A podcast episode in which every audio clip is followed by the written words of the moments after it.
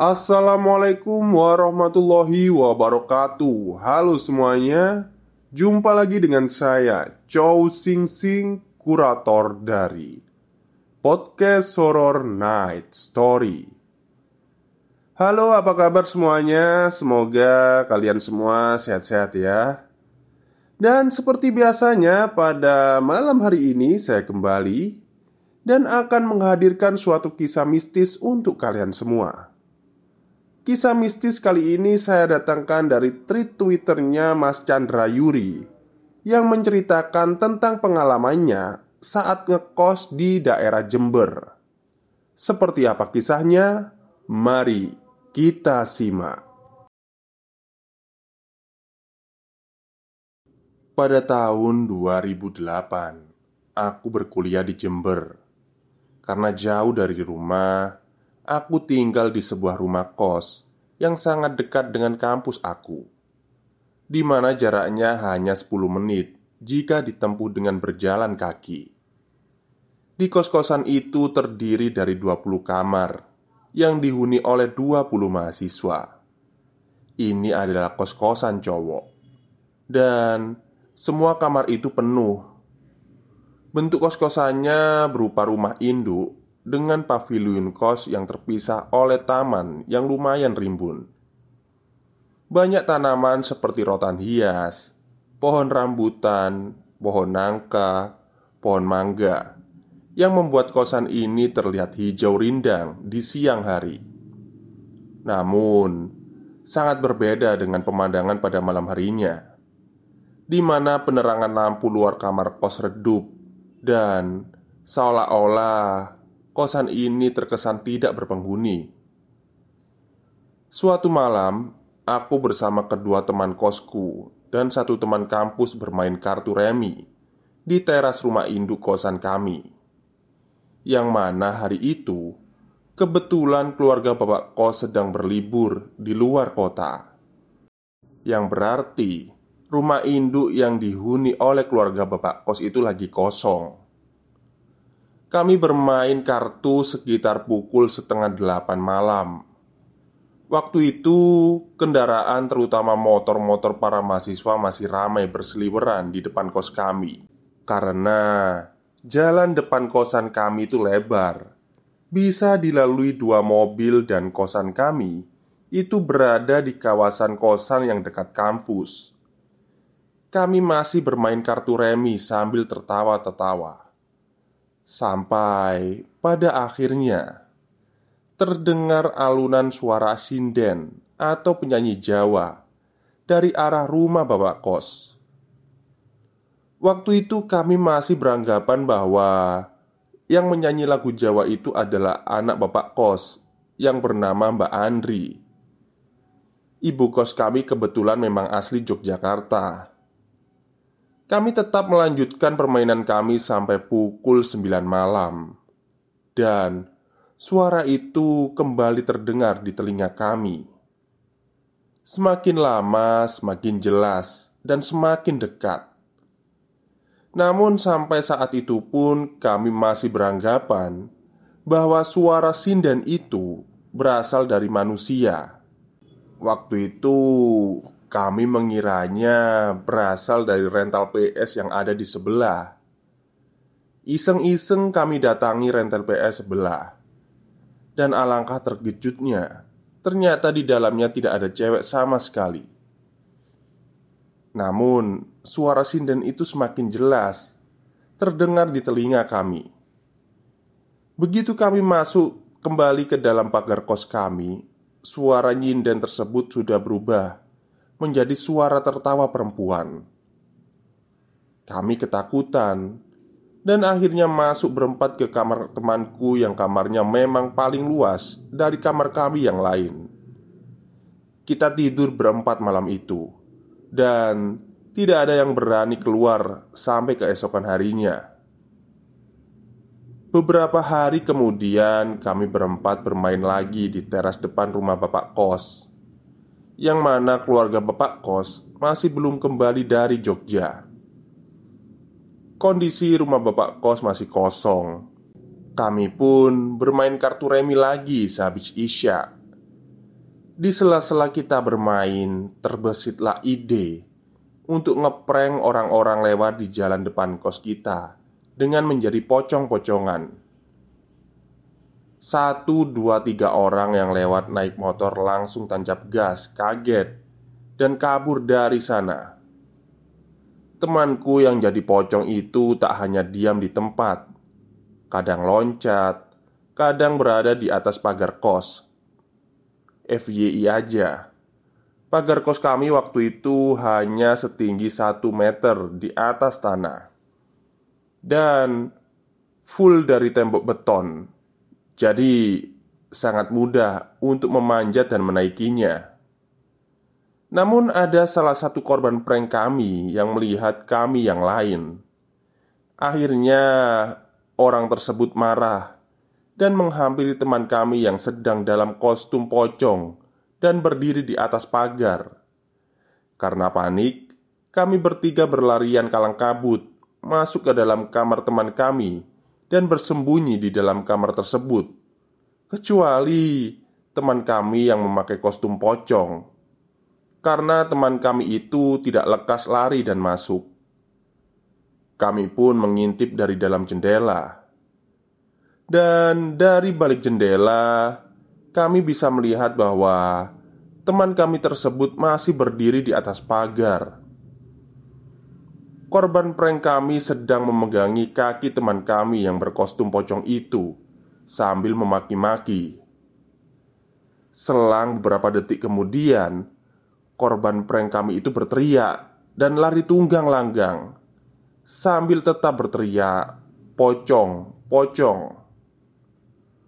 Waktu itu posisi kami masih mengintip di balik jendela kamar teman kami Sedikit ragu dan terbesit ketakutan dalam pikiran kami Dan kami bertiga memutuskan keluar kamar Untuk menghampiri teman kami itu Dan alangkah terkejutnya kami ketika mendapati teman kami tersebut Baru keluar dari kamar dia Dan baru saja membuka pintu kamar hampir bersamaan setelah kami. Dia keluar dari persembunyiannya. Anjir, dia juga tidak memakai kostum pocong, akan tetapi dia memakai pakaian tidur. Kami bertiga terperanjat kaget dan kemudian berpikir, "Loh, tadi yang main pocong-pocongan dengan kami itu siapa?" Kami pun mengintip posisi pocong yang ada di atas pagar kos kami. Seketika kain putih itu langsung terjatuh, mengempis, dan ambruk di pagar kos. Kami pun berteriak bersama, lalu tidur berempat kembali di kamar temanku itu. Malam itu kami mengingat-ingat. Memang, setelah ngeprank satu korban, teman kami yang memakai kostum pocong tersebut izin ke toilet untuk buang air kecil.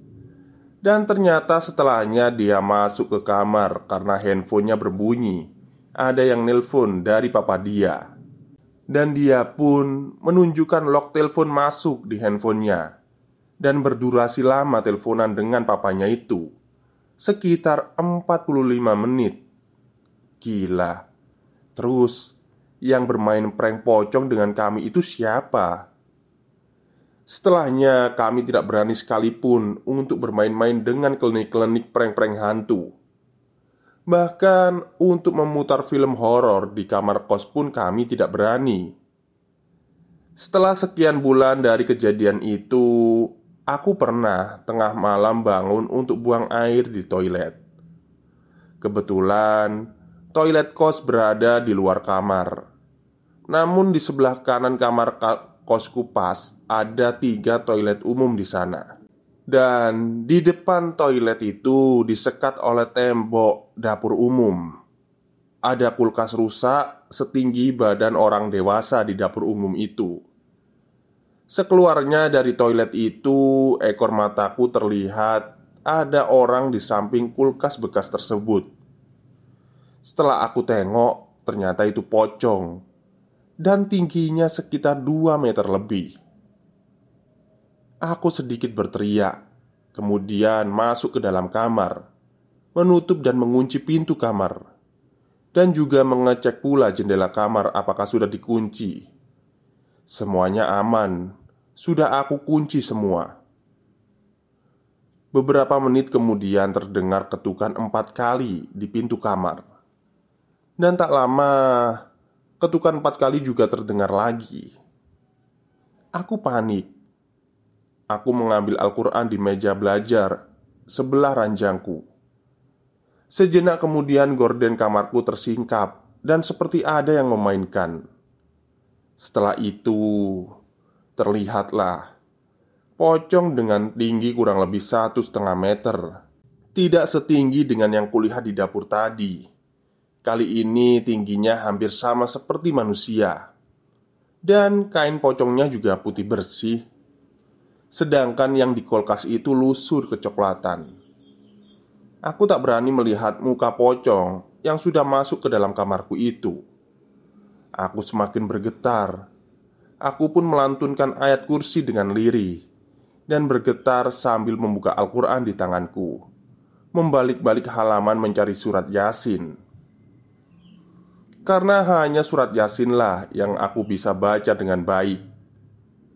Pocong itu mendekat dan mendekatiku di atas ranjang. Karena tak kunjung menghilang setelah aku membaca ayat kursi, dengan sisa-sisa keberanian yang sudah tinggal seupil Aku ajak itu pocong untuk membaca surat Yasin. Wow, pocong itu pun mendekat, dan posisinya sekarang sudah di sebelah ranjang.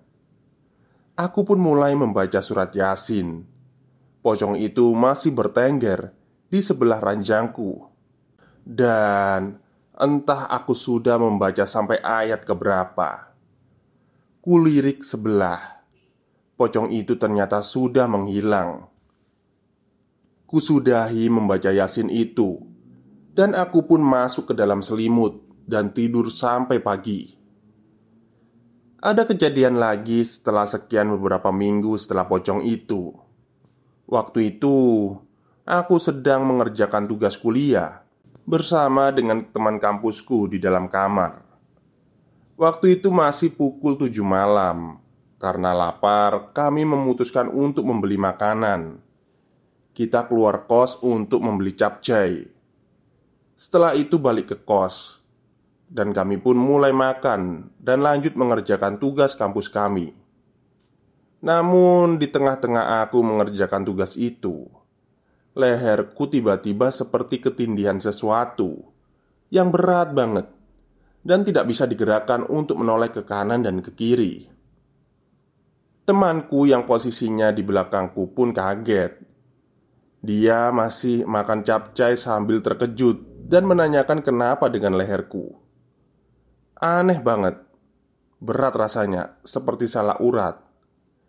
Karena masih belum beres, ini leher sampai 15 menitan. Akhirnya, aku menelpon mamaku agar dia menelpon mas iparku untuk mencarikan tukang pijat yang dekat dengan kosku, di mana Mas iparku itu bertugas di Jember juga.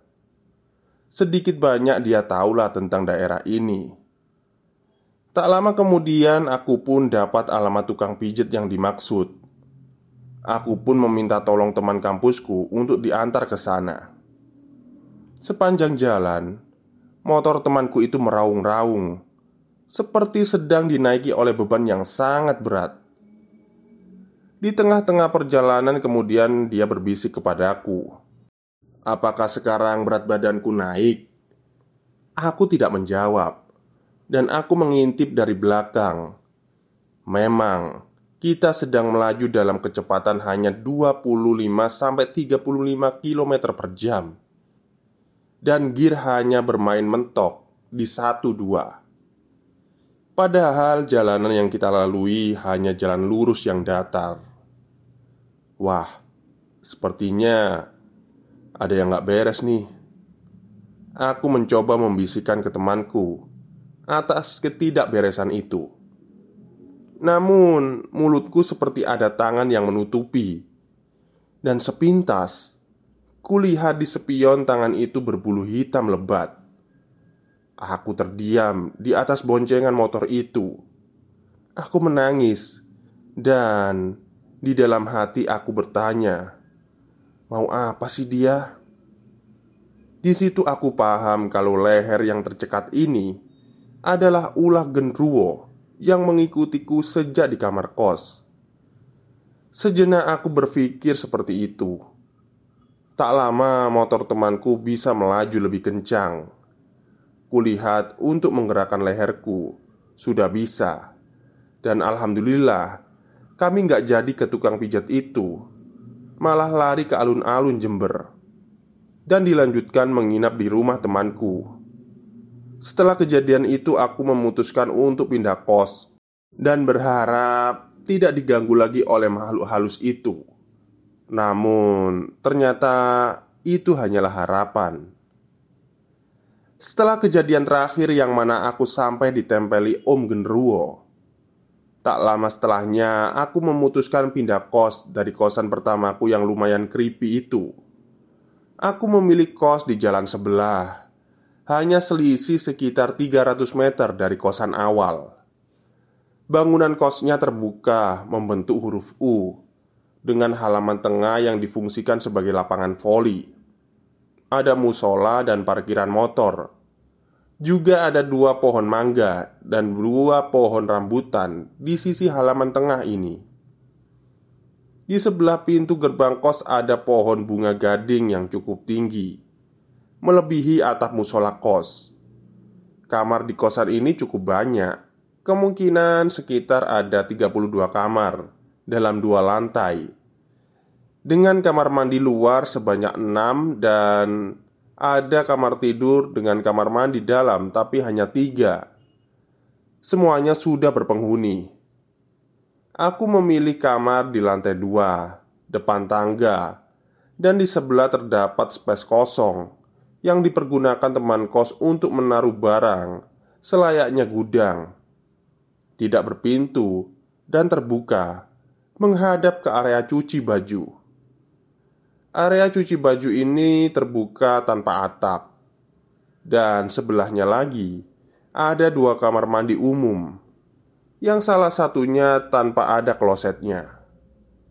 Di belakang kos ini ada sepetak tanah kosong yang ditumbuhi oleh pohon tinggi besar berbunga kuning yang memiliki buah seperti petai Cina. Pohon ini tinggi banget, melebihi lantai tiga kosanku. Oh ya, FYI aja. Lantai tiga kosku itu hanya untuk area jemuran. Sekali lagi, Posisi kamarku hampir mirip dengan posisi kamar di kosku yang di part 1 kemarin. Yang hanya di depannya ini tangga. Dan ada kamar mandi umum juga. Bangunan depan kosku ini ada kosan cewek yang agak sepi dan temboknya berlumut. Namun masih ada beberapa mahasiswi yang tinggal di sana. Sebelah kiriku ada kosan cowok yang ramai.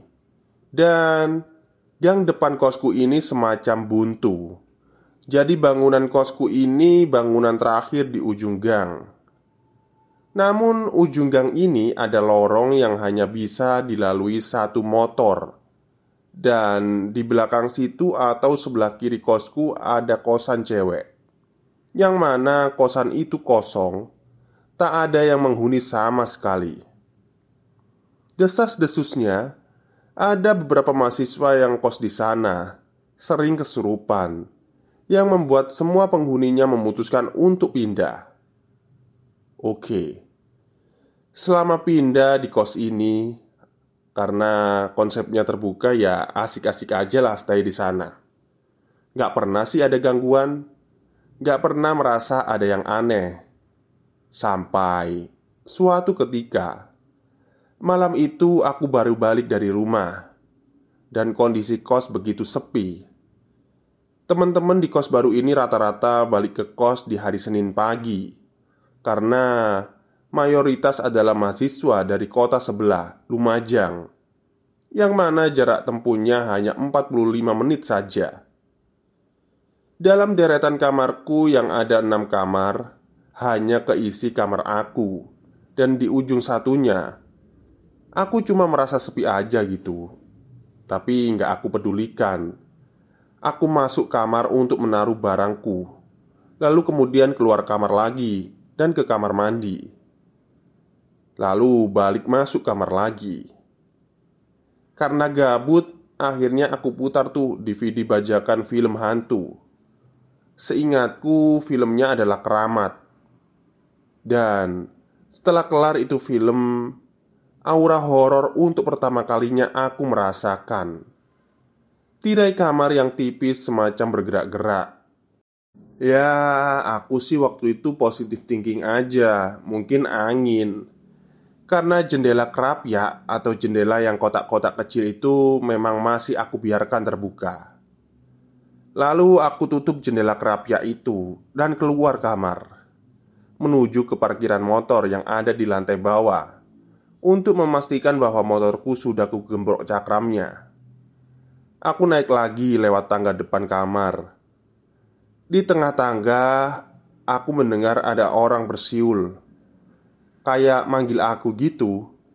Padahal Deretan kamar bawah kamar itu udah full anak lumajang. Yang mana kamarnya pada kosong semua. Motornya aja nggak ada di kos, dan lampu kamar juga pada mati. Ah, akhirnya aku lanjutkan lagi naik ke kamarku. Aku masuk ke kamar. Nah, ini aku mulai merasa ada yang kurang beres. Tiba-tiba perutku mules, tapi aku tahan dan tertidur. Pukul setengah tiga pagi aku terbangun Rasa mules di perutku sudah nggak bisa aku tahan Aku pun beranjak keluar dari kamar menuju ke kamar mandi Yang ada toiletnya di depan kamarku itu. Saat aku berjalan menuju kamar mandi Terdengar suara gesekan daun kering dari atas. Aku masih beranggapan bisa saja itu angin. Aku berlalu lalu masuk ke dalam toilet. Di dalam toilet ternyata bak mandi setinggi kurang lebih 80 cm Airnya cuma sejengkal. Karena malas keluar untuk menyalakan pompa air yang posisi saklarnya ada di lantai satu. Ya aku lanjut aja untuk pup. Aku pikir cukuplah untuk menyiram nanti. Wah nggak cebok dong. Karena ukuran bak mandi lebih dari satu meter panjangnya.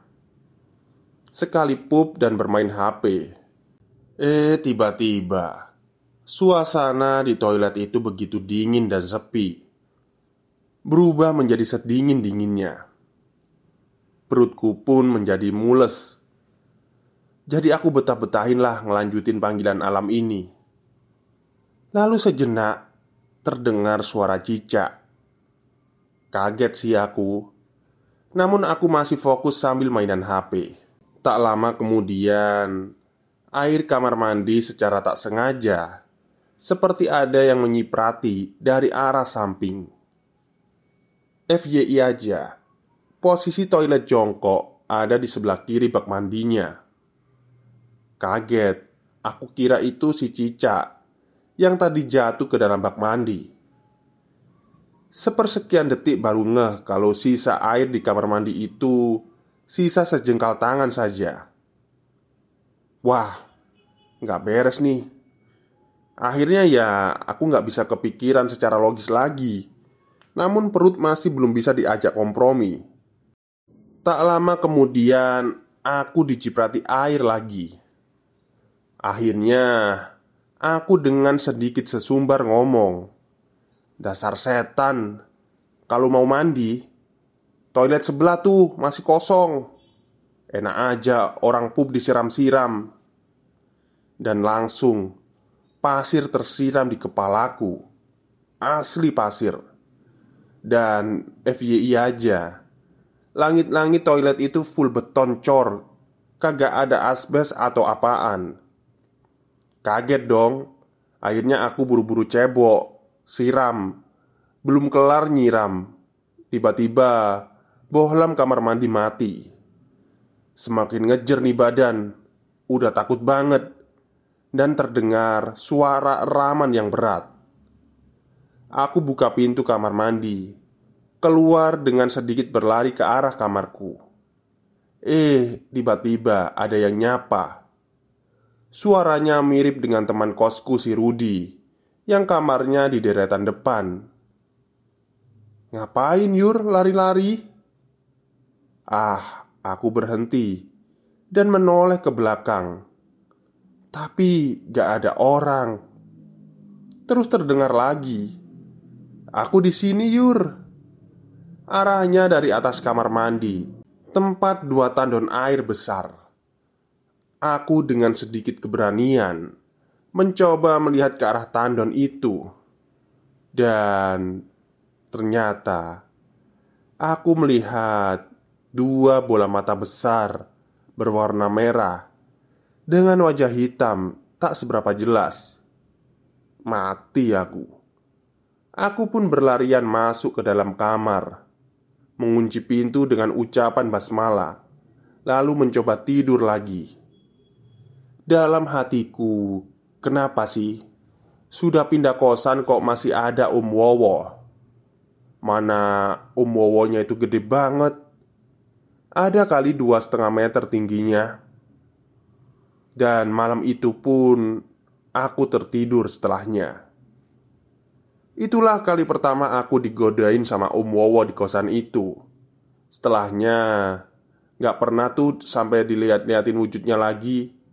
Alhamdulillah sih, paling terkadang cuma siulan aja. Atau nyapa dengan suara yang mirip sama teman kosku. Beberapa bulan kemudian, pohon besar dengan bunga kuning itu akhirnya ditebang dibabat habis. Sepertinya juga akan dibangun kos-kosan di sana, dan tak pernah lagi ada gangguan selama tinggal di kosan itu. Uh, tapi baru ingat kalau selama di kosan itu pernah tuh aku kehilangan HP, tapi hilangnya misterius. Hilangnya itu pas aku ngelipat-ngelipat baju waktu mau pulang kampung. Jadi posisinya aku tuh duduk menghadap kasur. HP tiga biji aku taruh di atas kasur. Pintu kamar berada di belakangku. Posisi aku pasang grendel dari dalam. Dan aku kunci juga. Tiba-tiba HP ku hilang.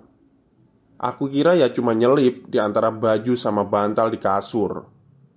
Setelah proses melipat-lipat baju kelar HP ku tak kunjung ketemu.